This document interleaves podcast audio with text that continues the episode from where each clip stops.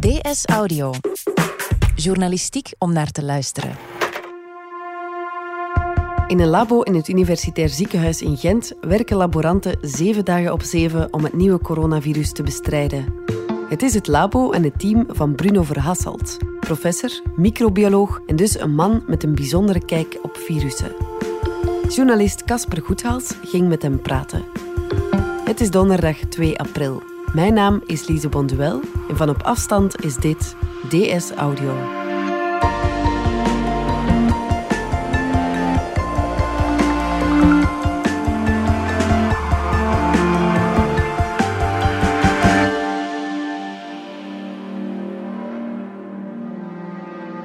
Casper Goethals, journalist bij de weekendploeg van de Standaard.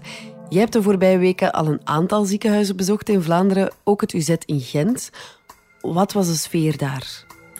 Wel, ehm, de eerste keer dat ik er was, was op 17 maart. Uh, had ik het gevoel dat ze wel heel, heel goed georganiseerd waren daar. Dus uh, dat is een universitair ziekenhuis, een heel groot ziekenhuis. En tijdens mijn eerste bezoek heb ik uh, verschillende afdelingen bezocht. De spoed, corona-afdelingen, de intensieve zorgen. Ja. En een van, de, een van de plekken die ik toen heb bezocht was ook het laboratorium, waar ze zo snel mogelijk proberen te weten te komen hoeveel uh, van de patiënten die in het ziekenhuis liggen besmet zijn met het nieuwe virus. Ja. En dus um, kwam ik daar een man tegen, uh, de, de coördinator van het laboratorium daar. Ik ben altijd in, in onderzoek geïnteresseerd geweest, als uh, student ook. Professor microbiologie Bruno Verhasselt. Ik heb geneeskunde gekozen natuurlijk om mensen te helpen. Maar voor mij was de laboratoriuminsteek daarin belangrijk. Ja, die loopt daar rond in, in een laboratorium, zoals je dat kent van op televisie. Ja. Met witte uh, lange jassen en, uh, ja, beschermende brillen en uh, pipetjes en kasten uh, wat ze, waar de gevaarlijke virussen in worden getest met allerlei chemische stoffen die worden toegevoegd aan die staaltjes die van patiënten genomen zijn toen ik de eerste keer uh, daar was, begonnen ze net met twee keer per dag resultaten van de tests door te geven. En Ja. een week later ben ik hem opnieuw gaan opzoeken en deed het al drie keer per dag. En binnenkort komt er zelfs een automatische machine die al die tests dag en nacht kan laten lopen. Dus ja, een, een plek vlak bij de frontlinie van die nieuwe strijd tegen het virus. Maar ook wel een beetje rustiger, want daar zitten zeg maar de, de bollebozen uh, die meer uh, onderzoekend bezig zijn. Dus die gaan kijken hoe, hoe werkt dat dan, zo'n virus? Hoe ziet dat eruit? Uh, en daar heb, heb, ik dan gedacht, na dat eerste gesprek met die Bruno Verhasselt, van ik zou hem eigenlijk nog eens willen spreken. Want die, die kijkt zo anders naar dat virus. Ja? Wij kijken natuurlijk naar een ongeziene gezondheidscrisis. Maar hij kijkt naar een ja, naar een klein deeltje, een virus dat, uh, dat de mens uh, ontmoet. En we moeten ons aan elkaar aanpassen, zegt hij. Er zijn coronavirussen die continu onder de mens circuleren, die geven typisch verkoudheden. Mm -hmm. En dit kan ook zoiets zijn, dat blijft circuleren. En de verwachting is dat dat geleidelijk aan zich wat zal aanpassen aan de mens. En de, Mhm. en de mens zich aanpassen aan het virus, dat je dat ziet geleidelijk aan zal opgenomen worden als een van de coronavirussen. En dat komt misschien terug binnen 100 jaar. Dan is dat virus misschien een verkoudheidsvirus nummer zoveel. Hè? En dan zegt die man van ja, het virus leert ons nog maar pas kennen. Is nog, nog maar net overgesprongen van de vleermuis naar de mens. Dus we, we kennen elkaar nog maar net en we moeten uh, Ja. ons aan elkaar aanpassen.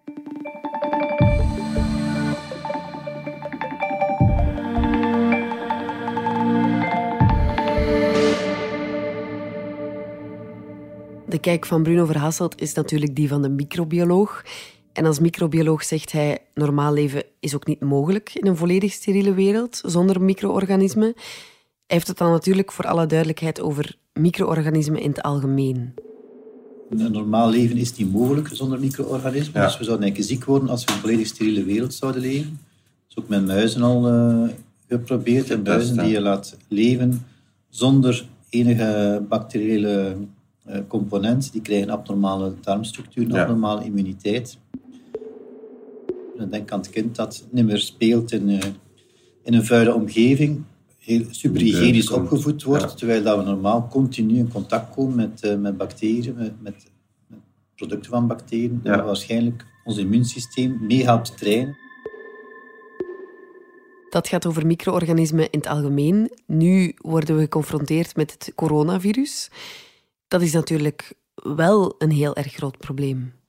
Wel, het coronavirus gijzelt de hele wereld natuurlijk. We hebben nog nooit ehm, zulke drastische maatregelen genomen in, in de meeste van onze levens. Maar het is eigenlijk een minuscuul uh, ding. Ehm, dat we zelfs met een gewone lichtmicroscoop niet kunnen zien. Dus ja, super, super klein. De meeste virussen kun je net niet zien met een lichtmicroscoop omdat ze te klein zijn. Dus je hebt een elektronenmicroscoop voor nodig. Maar uh, professor Verhasselt vindt dat een ontzettend fascinerende wereld, die mhm. wereld van de microbiologie. Want zo klein als ze zijn, toch lukt het hun om op de juiste manier in interactie te gaan met onze menselijke cellen, zegt hij.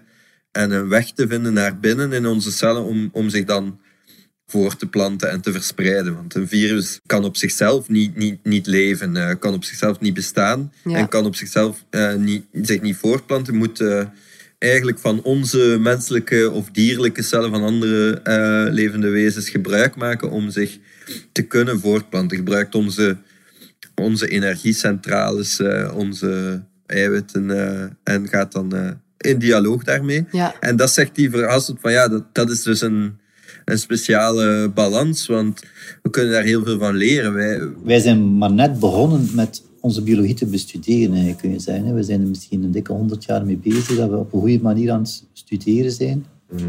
En hier heb je ervaringsdeskundigen die al duizenden en duizenden jaren bezig zijn met dat gesprek onder aan te mhm. houden. Dus die zijn echt die zijn optimaal aangepast. Zo heeft men al veel zaken ontdekt door microorganismen te bestuderen en zien van, ah, kijk, ze doen dat en wellicht. En dan zie je, ah, ja, het is omdat ons lichaam dit of onze cel dat doet. Dus je ziet, je moet het gesprek beluisteren en niet dat zien als een gevecht tussen David en Goliath of wie ook.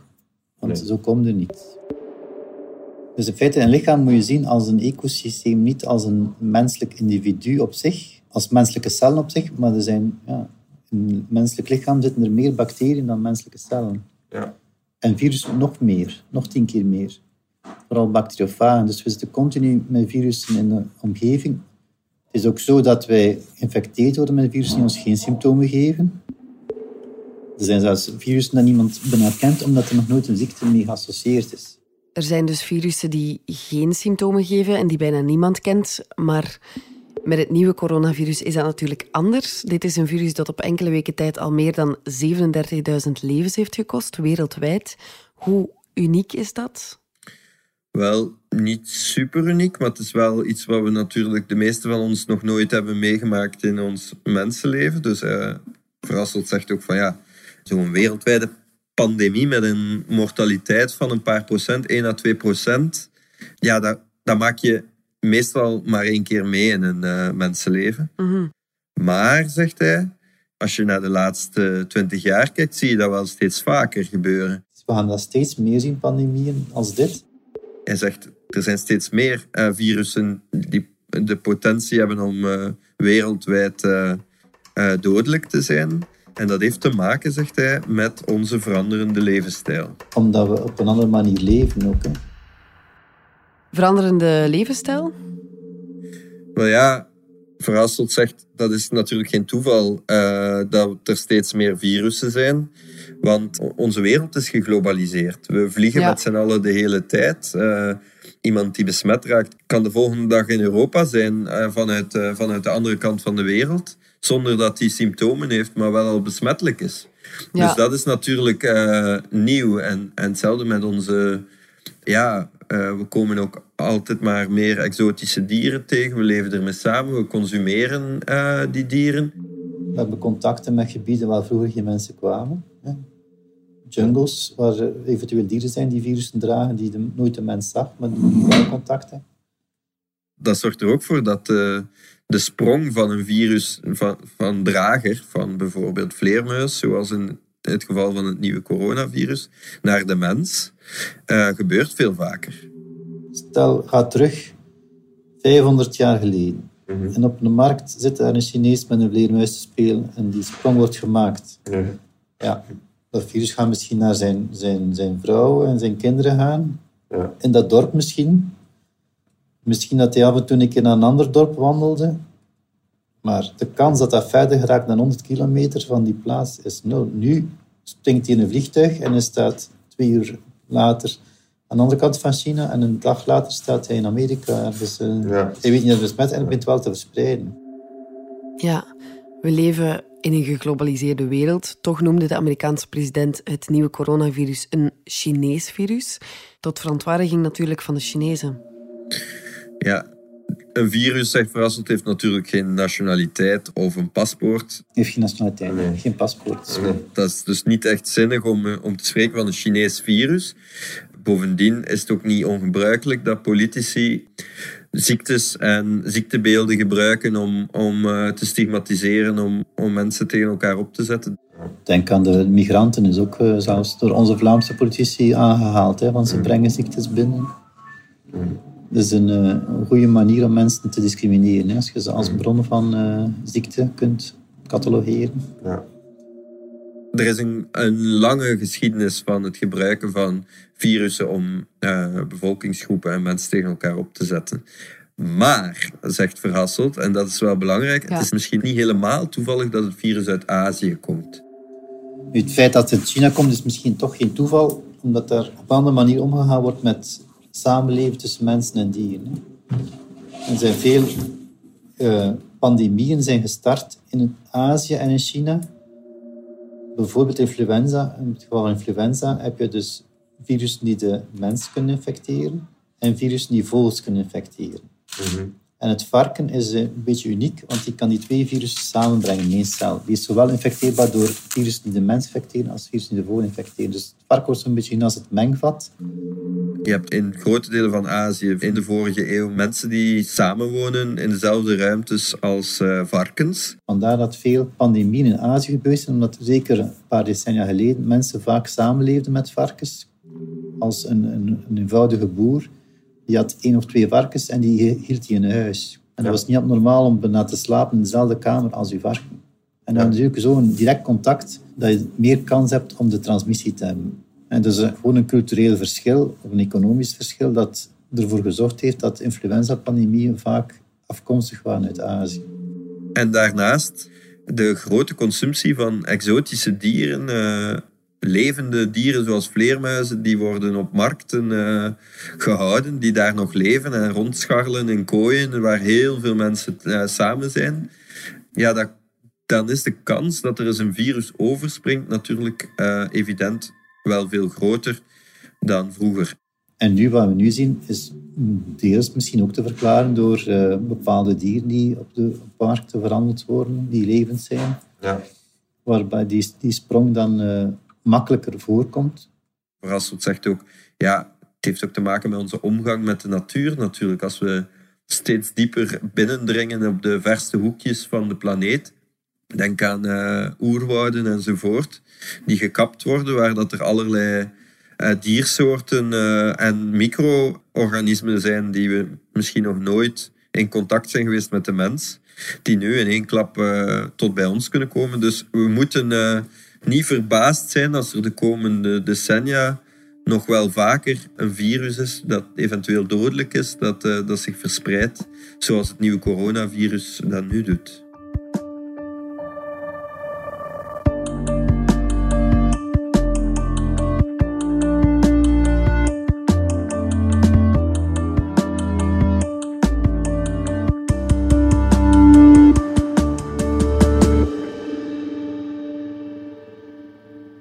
Het coronavirus is de voorbije weken erin geslaagd om de wereld plat te leggen. De grenzen zijn ook grotendeels dicht.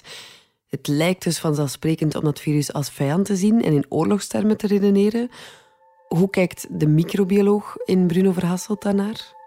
ja, zoals ik zei, heeft hij een beetje een uh, uh, wereldbeeld, een biologisch uh, kijk, waar de mens niet centraal staat. Dus, dus hij zei, de mens en het, en het virus leren elkaar nog maar net kennen en gaan zich ook aan elkaar aanpassen. En dat zal ook moeten. Mhm. Want het virus, zo zegt hij, zal zich tot op de verste uithoeken van de wereld uh, verspreiden. Dat kunnen we eigenlijk bijna niet voorkomen.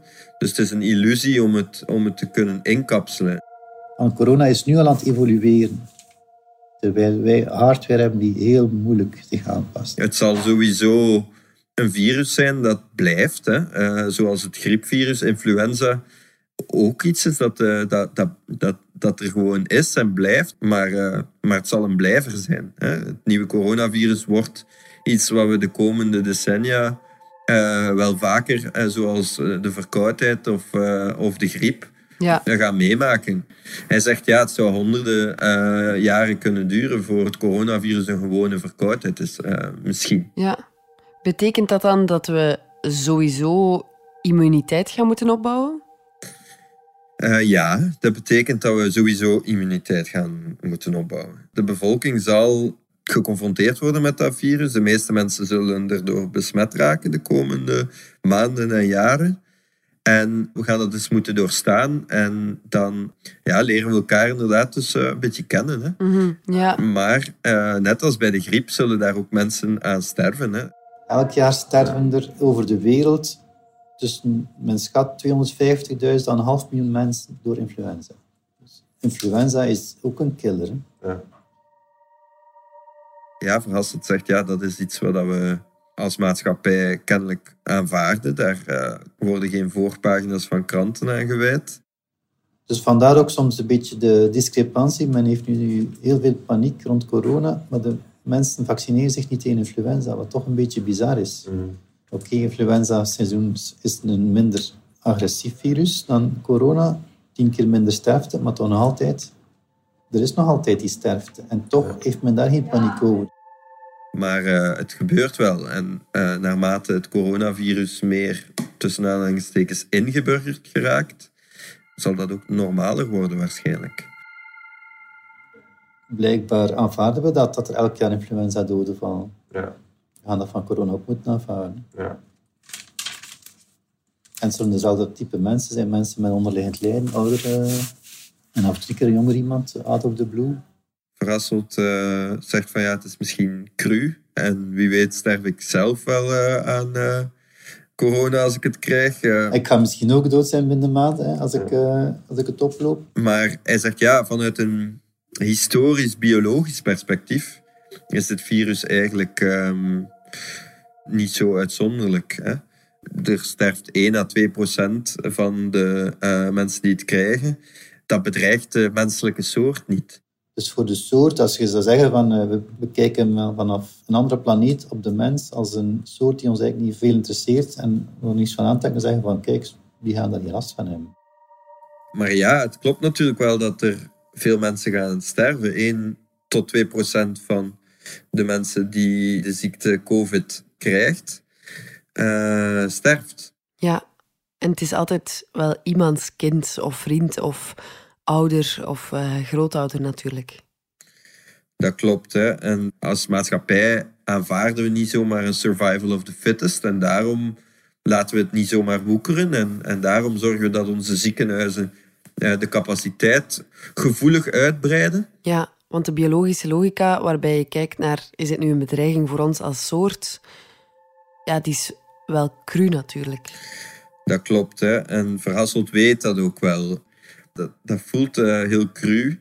Maar um, hij zegt van ja, het is, het is, niet, uh, het is niet de Spaanse griep uh, die in 1918 op een jaar tijd 20 à 40 miljoen doden heeft teweeggebracht. Mm -hmm. Het is niet de pest die hele steden heeft uitgeroeid. Dus, dus op die manier nuanceert hij, wel goed wetend dat het maatschappelijk iets anders is dan biologisch.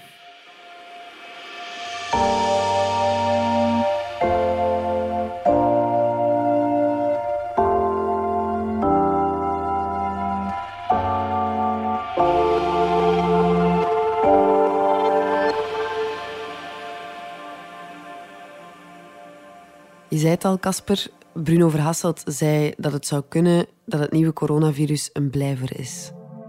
Het kan zijn dat het een blijver is. Hè. Er zijn coronavirussen die continu onder de mens circuleren, die geven typisch verkoudheden. Mm En dit kan ook zoiets zijn dat blijft circuleren.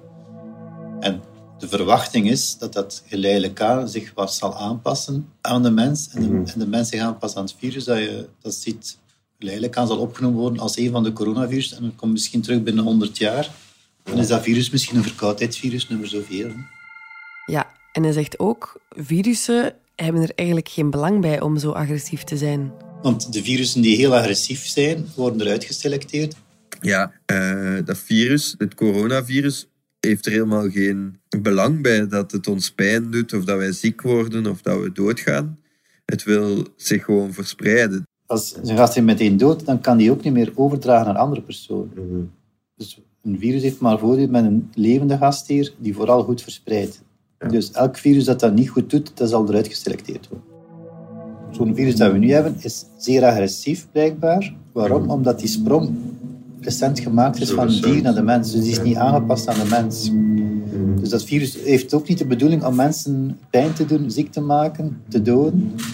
Het virus is slachtoffer van zijn eigen uh, genoom en wil tripliceren. Ja, Casper, het perspectief van de microbiologie is fascinerend. Dat zei je helemaal aan het begin van deze podcast. Zijn er dingen die we er volgens Bruno Verhasselt van kunnen leren?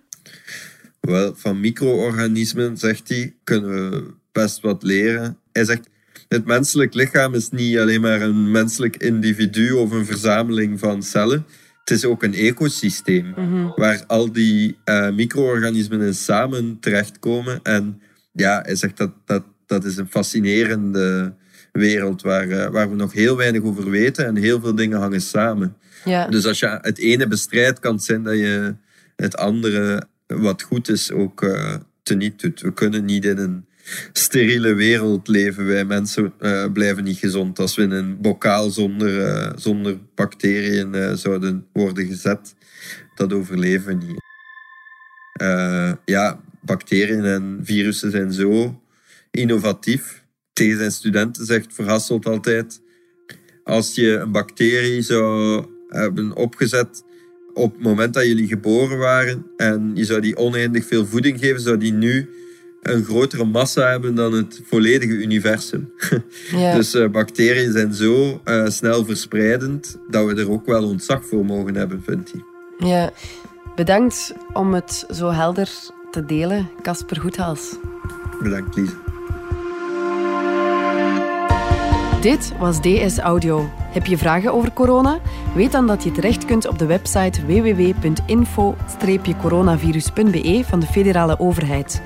Je kunt ook bellen naar het infonummer 0800 14 689. Wil je reageren op deze podcast of wil je een verhaal delen over de impact van corona op jouw leven? Dat kan via dsaudio.standaard.be. In deze aflevering hoorde je Casper Goedhaals, Bruno Verhasselt en mezelf, Lise Bonduel. Ik deed ook de redactie samen met Fien Dille en Pieter van Malen. Wouter van Driessen deed de eindredactie. Pieter Schrevens deed de audioproductie. Brecht Plasgaard schreef de muziek die je hoorde in deze podcast. Chef audio is Wouter van Driessen. Vond je deze podcast interessant? Weet dan dat je er elke werkdag één kunt beluisteren. Dat kan via de DS Nieuws app of via standaard.be-audio. Je kunt je ook abonneren via iTunes, Spotify of de podcast app van je keuze. En als je daar dan toch bent, schrijf gerust een review. Zo toon je ook anderen de weg. Morgen zijn we opnieuw.